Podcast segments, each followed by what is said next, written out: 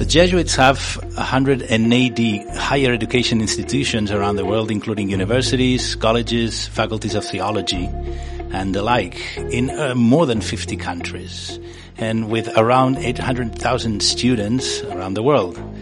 So, having higher education institutions is one of the most important apostolates of the Society of Jesus. Today, in our in our podcast, Inscapable, the podcast of the Chair of Ethics and Christian Thought of IQS, we have the honor to have uh, with us Joseph Christie, who is the Secretary for Higher Education of the Society of Jesus, who is then somehow in charge of all of these institutions. Indefugibles, el podcast de la Càtedra d'Ètica i Pensament Cristià de l'IQS, amb Xavier Casanovas i Oriol Quintana. Un podcast amb la col·laboració de Catalunya Religió.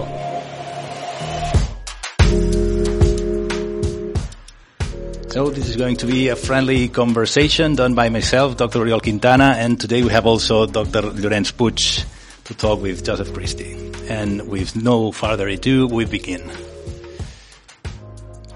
So, Father Joseph Christie, my first question is, uh, why do Jesuits have universities or what's, what's the general purpose of having universities? When Ignatius started the society, he did not have an intention to be involved in education at all. it's ironic, isn't it? So he wanted to be a missionary and his ten companions, they wanted to go and work in Jerusalem where Jesus worked and died. So they want to be missionaries there. Unfortunately, because of the war, they couldn't go. And they came to Rome and placed themselves at the feet of the Pope, at the disposal of the Pope, asking the Pope to send them anywhere, wherever there's a need. Mm-hmm. So you know St. Francis Xavier went to India, in other places. In 19, 1540, we got the approval from the Pope for the starting of the Society of Jesus.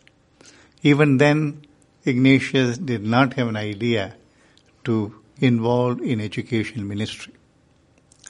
After a few years, many candidates started joining the society and initially he wanted to send them to other universities to be educated. Mm-hmm. After a few years, some of the Jesuits started teaching them part time, guiding them, helping them in their formation. Around 1547-48, there was a request from Messina, Sicily, from the people, asking St. Ignatius to send few Jesuits to start a school to train their children Uh-huh. having learned that the Jesuits were learned people those days and they want to do that. And in the process, they also made a deal with St. Ignatius that we would not only take care of the Jesuits who would be sent here to teach, but also the Jesuits would be teaching, they studying here. Mm-hmm. So in a way that is a new society, Ignatius was looking for money to train the young Jesuits. There was a proposal to somebody that we will take care of your formation. So uh, we read and understand that it was not an easy decision for Ignatius. And it took time and discernment. And wh- why, why, why did he have this reluctance? Why, what, what was wrong about having schools? As I said initially, the whole idea was never get into any formal work. Uh-huh. Always, always- always be available. not having it- available, yeah. mobile. So that's why we even don't have the regular prayers every Exactly. time, like as the monasteries do. Yeah. So they say we should be available anywhere during the day. I mean, that is an idea. Hmm. But now, if you are into the ministry like education, you are stay put. You can't go anywhere else. Hmm. I see. think in a way that you are tied down, like monasteries in different level, and you are tied down here. So that's what St. Ignatius didn't want. Yeah, he didn't want it. And in 1548, sorry, sorry, uh, 1548, he relented. And then they started the first school in Messina. And slowly the numbers started increasing. And by the time he died in 1556, I think there were about three dozen schools, uh, different numbers. By 1773, when the society was suppressed, there were about 800 schools across the world. And so The- t- today, what, what's why do we keep the reason? Why, why do we still keep this? Uh, the Jesuits still keep Father this? Polanco, who was the executive secretary for St. Ignatius, later on for other generals, wrote a letter to the King of Spain later on, explaining why Jesuits should be in education. He gives 15 reasons, but I just give one or two, which is very important according to St. Ignatius. Ignatius thought that education is an act of charity. I see. It's not that you're preparing elite people for you know, different professions. He thought that is doing an act of charity in helping people to become good in character I see. in upright in character. In a way that I am preparing a few people in upright character, they go into the world to transform the world. So in a way, uh, we are here to journey with Jesus, to participate with Jesus in the creation of the kingdom of God. So these people who are trained in a good character, he thought that he would join that force with Jesus to transform the world, to create a new heaven and new earth. The second one that we hear is that uh, he realized that these are the guys later on would become judges, city leaders, or civic leaders, or would hold big positions in this society. So Ignatius thought that they could play a significant role in the society, in you know, helping people and so on. I think these are some of the important reasons for Ignatius to get into education ministry. So you, you mentioned uh, something that uh, you hear a lot when, when you hear people discussing Jesuit education. It's a question a question of elitism, no? So there's an accusation of uh, against the Jesuits of educating uh, only the elites or especially the elites. Uh, and actually, uh, Jesuit uh, Jesuit universities are famous for their quality. Um, how do you react react to that? I mean, is that an accusation, a legitimate accusation, or It is not a new accusation. it was already there in 1773 when the society was suppressed. No, kind of, as they were progressing, they thought that Jesuits were involved in educating the elite, now especially the rich and the nobles and so on. Even today, certainly the the accusations or the questions are repeatedly coming up. there is some truth, but not full truth. Okay. yeah, yeah. You know, the, there are some institutions which give an impression, which are highly ranked, that they are working for some elitist society. But there are also efforts made to help the poor, help those on the margins, help the Dalits, the tribals. Like in India, I know, for example, a lot of schools were started in the tribal area, in the villages. When the missionaries came, at least in my part of the country, in every parish they started a small primary school to educate and as part of their faith formation. Mm-hmm. It's not that they start for elite. And even today, it is a challenge, but we are involved in Africa to help the people. And I don't know whether you must have heard of JWL, Jesuit Worldwide Learning. Uh-huh. So using the new technology online program, they are trying to help people on the margins, refugees, migrants, people who can't be reached out hmm. in a formal manner. So the efforts are being made, but probably not adequate enough to change the old accusation. Yeah, because at the end, it's only a perception, and actually, the fact is that it's not such a bad idea to educate the elites because they are the people who are have the possibility of changing things in the future.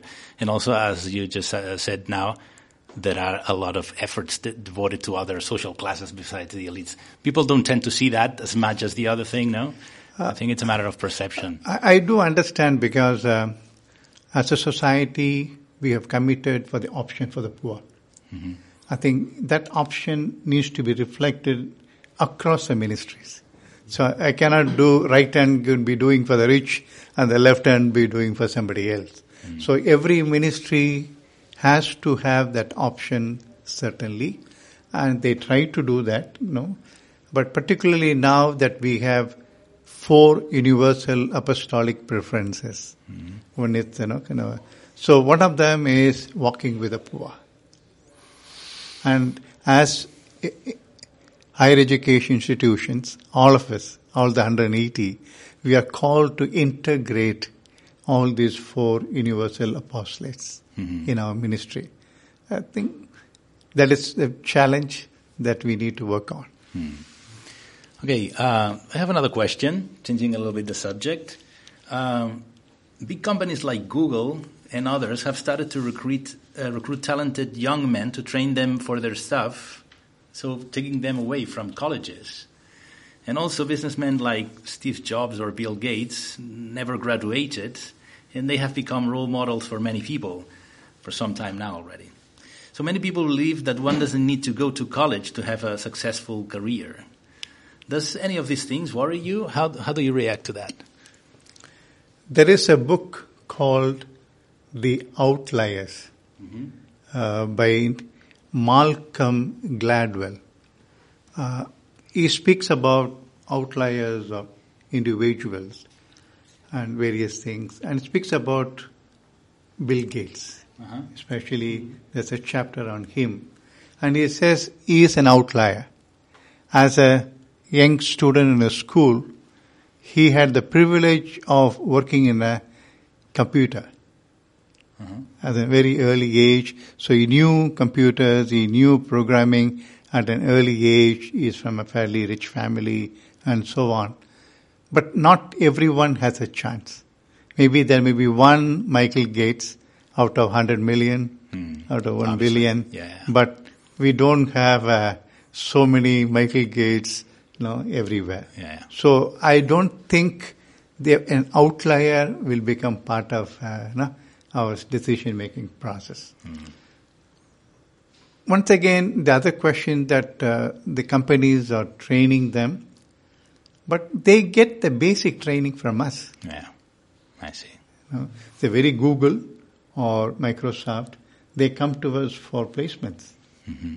So certain level of training they could do, but I don't think they have the capacity to train at the level that we do at the basic level and the higher level.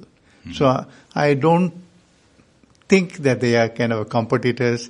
You know, kind of there will be universities and universities everywhere, and the companies, you know, will be also will be training their own men.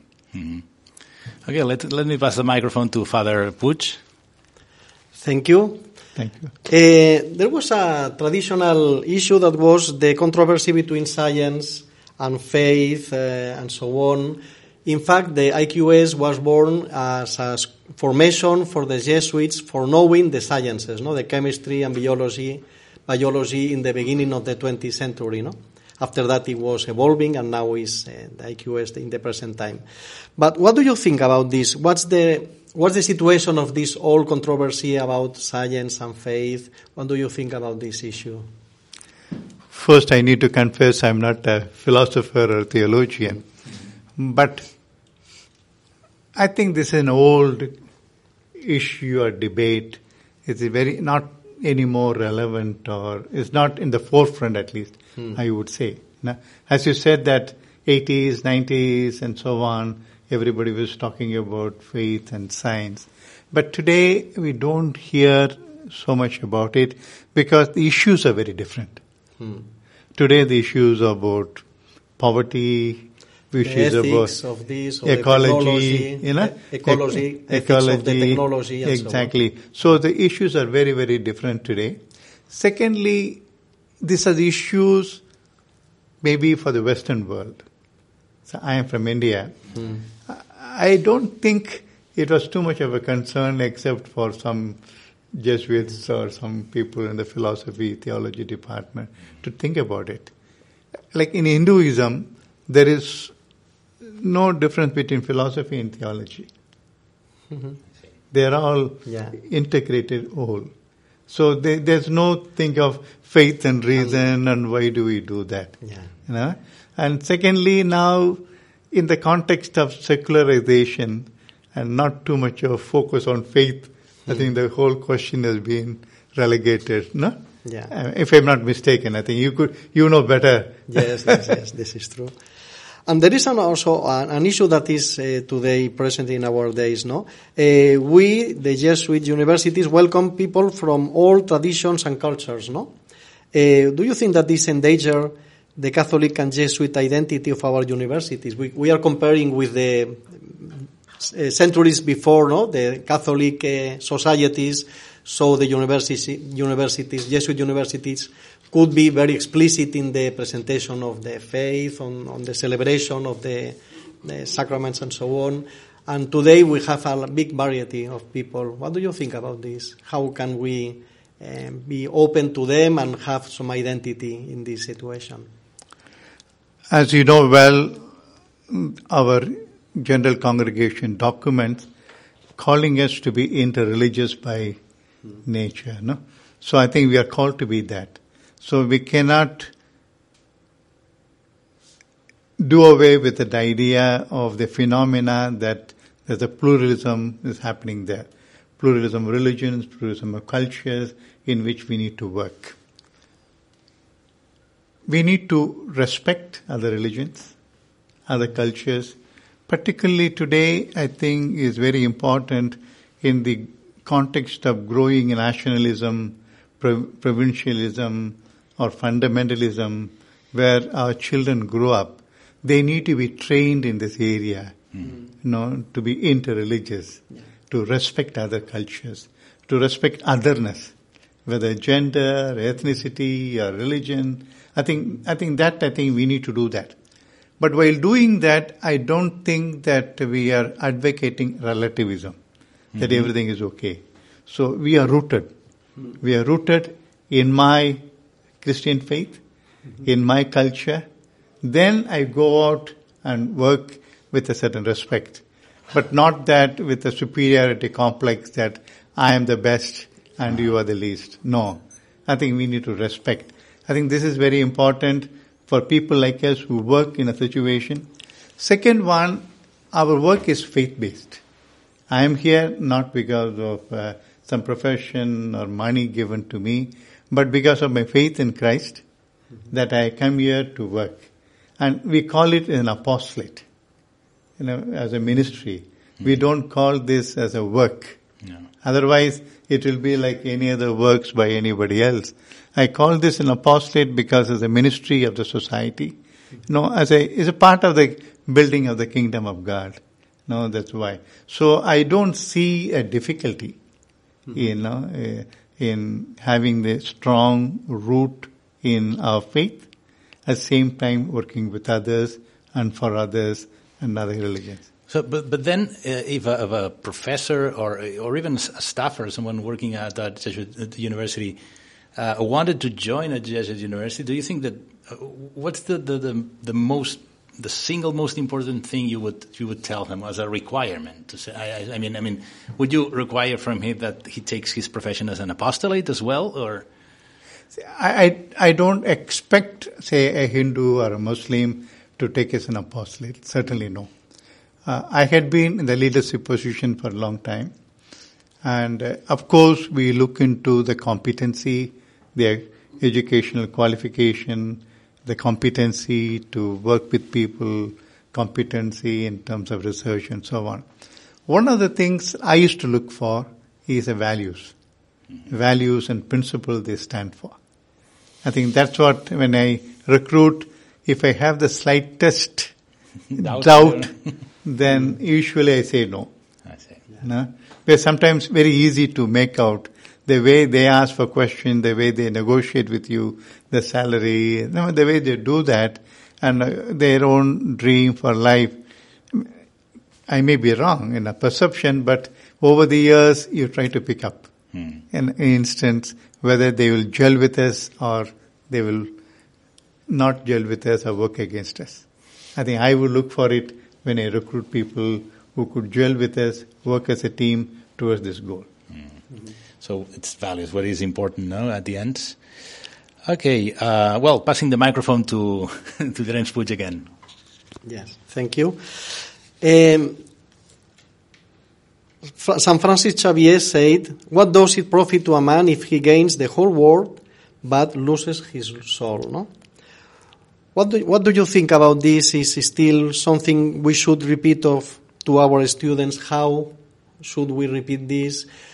Uh, what, what do you think about this? Uh, can, how can we tell this today to the students? Um, not winning, having some ideas to win everything, but importance of uh, act- make actualization of this, losing his soul, losing something of his life if he is not given to others or something. What do you think about this? First of all, I think we need to have clarity what Ignatius meant by soul. Now, if you look at for the George Ganss uh, constitutions in English, he gives a footnote. And uh, because we have the th- rule of the society, or objective of society, to work for the salvation, perfection of my soul and other souls. So he, he says soul is not something, the duality, body and soul. Is a one full integral human being. Yeah. So uh, I think that is the focus. So even when I said about Ignatius working for education, he says it very well integrated with his objective or the goal of the society to work for the salvation of other souls for other full human beings. So here, I, th- that's what we need to understand that. I don't know what Jesus had the idea, but the whole dualism came up like Plato and Yeah. other things much later. Yeah. For them is one integrated Unity, soul, integrated. and he was looking at the one human being. I don't want to lose you. Now you can hold the world, but don't lose yourself. Yeah. I think that I think I mean that I may be wrong or right, but I think this Mm-hmm. is what I understand. The Society of Jesus, Jesus has established uh, some preferences, universal preferences, apostolic preferences for the, his mission. No, one of them is for is for the youth people. No, um, in the universities we are working and we are educating, um, helping, accompanying some young people, and the idea is to accompany them in order to create a future with hope, uh, a future of hope. No? Sure. How can we do this in the universities today? How do you think we can apply and develop this um, preference of the society that is so important? Once again, going back to St. Ignatius, Yes. he was looking at the integral formation of individuals. When that's what we are also looking at today. Not only intellectually, but emotionally, uh, physically, uh, socially. I think all those factors, you know, not only IQ, but all the other cues, we need to look into that. I think we need to focus on that, you know. But once again, we need to study the situation today. And as I said earlier, the context of globalization or nationalism and fundamentalism, they're growing up in that milieu and they need a particular perspective. The same way we need to understand what are the basic requirements today. Like we were discussing a few months ago at Esade, what should be our Jesuit way of education in the context of pluralistic world. But today a lot of other issues are there they are facing today. Uh, one I could um, say is um, secularization, and it and they lose the rootedness which they get maybe from religious affiliation and so on, resulting in once again I am uh, too naive. I am not a psychologist, but there is a problem of mental health today Yeah. uh, no, uh, number of depression cases among the. Now I hear from our own institutions number of suicides taking place. So these are the, some of the issues that we need to look into that, how we could help our students. It's not that you know, increasing our credits and you know, increasing our quality. But I think they should be uh, good citizens of the world tomorrow. No, as Ignatius said, who could transform the world, who could be a leaven in the world. And our St. Arrupe said that uh, men and women for others, or Kolvenbach said that the whole criteria for the education is how our students become, mm-hmm. what they become transformed. I think that's what we need to look at it. I, mean, we, we I hope, uh, no? Yes, thank you. Uh, thank you. Uh, today we have a few uh, a few colleagues uh, joining us for this recording, uh, and I was wondering if there is any question among the audience.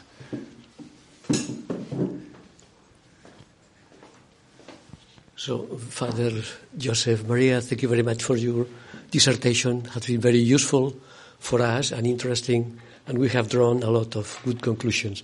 The, the, my question is, what positive aspects you, you, do you think uh, mm, can be drawn from the, from the pandemic uh, for the, our universities? Thank you very much.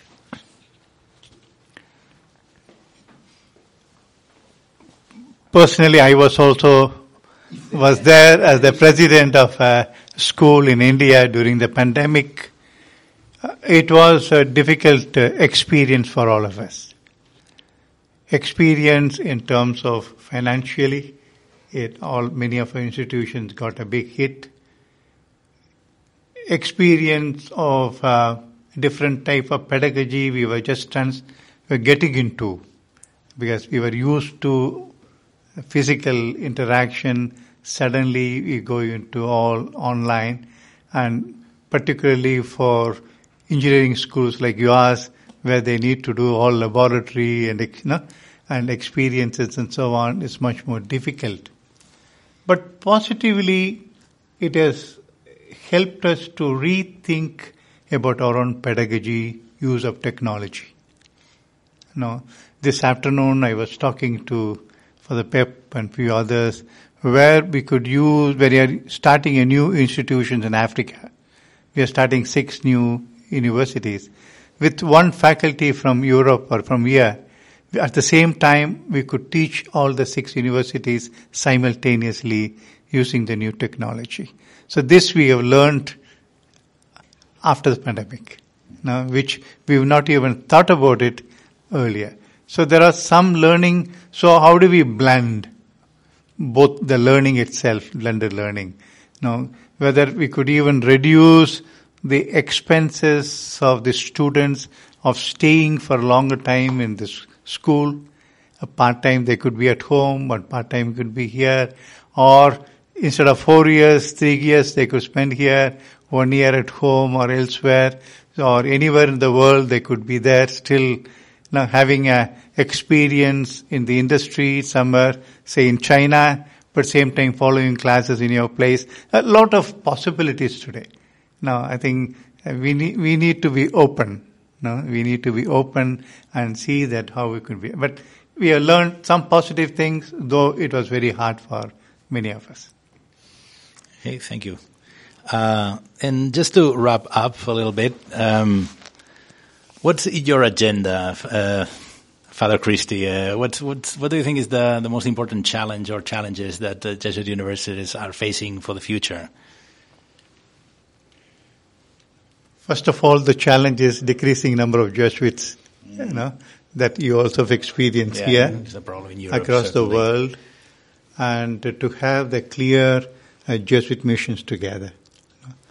Uh, the ch- next challenge is affordability mm-hmm. and accessibility, mm-hmm. because one of the universal apostolic preferences, as you said, is the poor, and you are saying that we are perception of being elitist. Mm-hmm. So how do we make it affordable? Yeah. Whether we could use a new technology like this to make it more affordable, no? We should, we should, we should think about that. Uh, the third challenge is now there's a lot of requests from uh, areas where we didn't have uh, higher education presence, mm-hmm. like Africa. I see. So, where the education level itself, the you know the literacy level is low, and not many people go for higher education. Uh, we have certain responsibility to help them. So the fourth one is, uh, as Father asked me, how do we implement all these four UAPs? No, we need to integrate it, uh, in our work, in our life, in our functioning. How do we do that? More importantly, there are two questions which has been which have been haunting me. Is one, how could we make our institutions truly Jesuit in character and functioning? I think that's the basic questions I have. Mm-hmm. The second question re- related to that is how do we make it more relevant today? Relevant to the students, relevant to us, relevant to the world.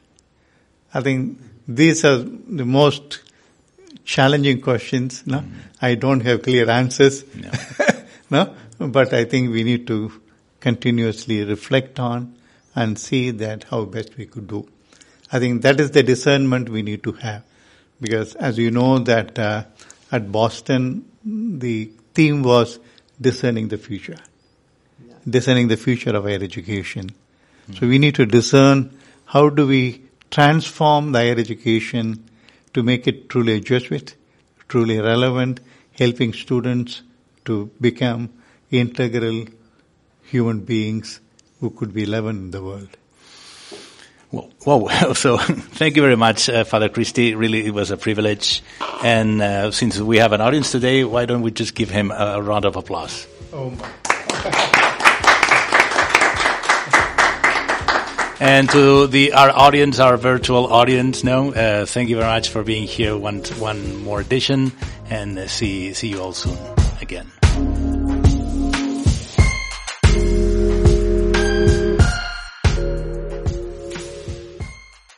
Catalunya Religió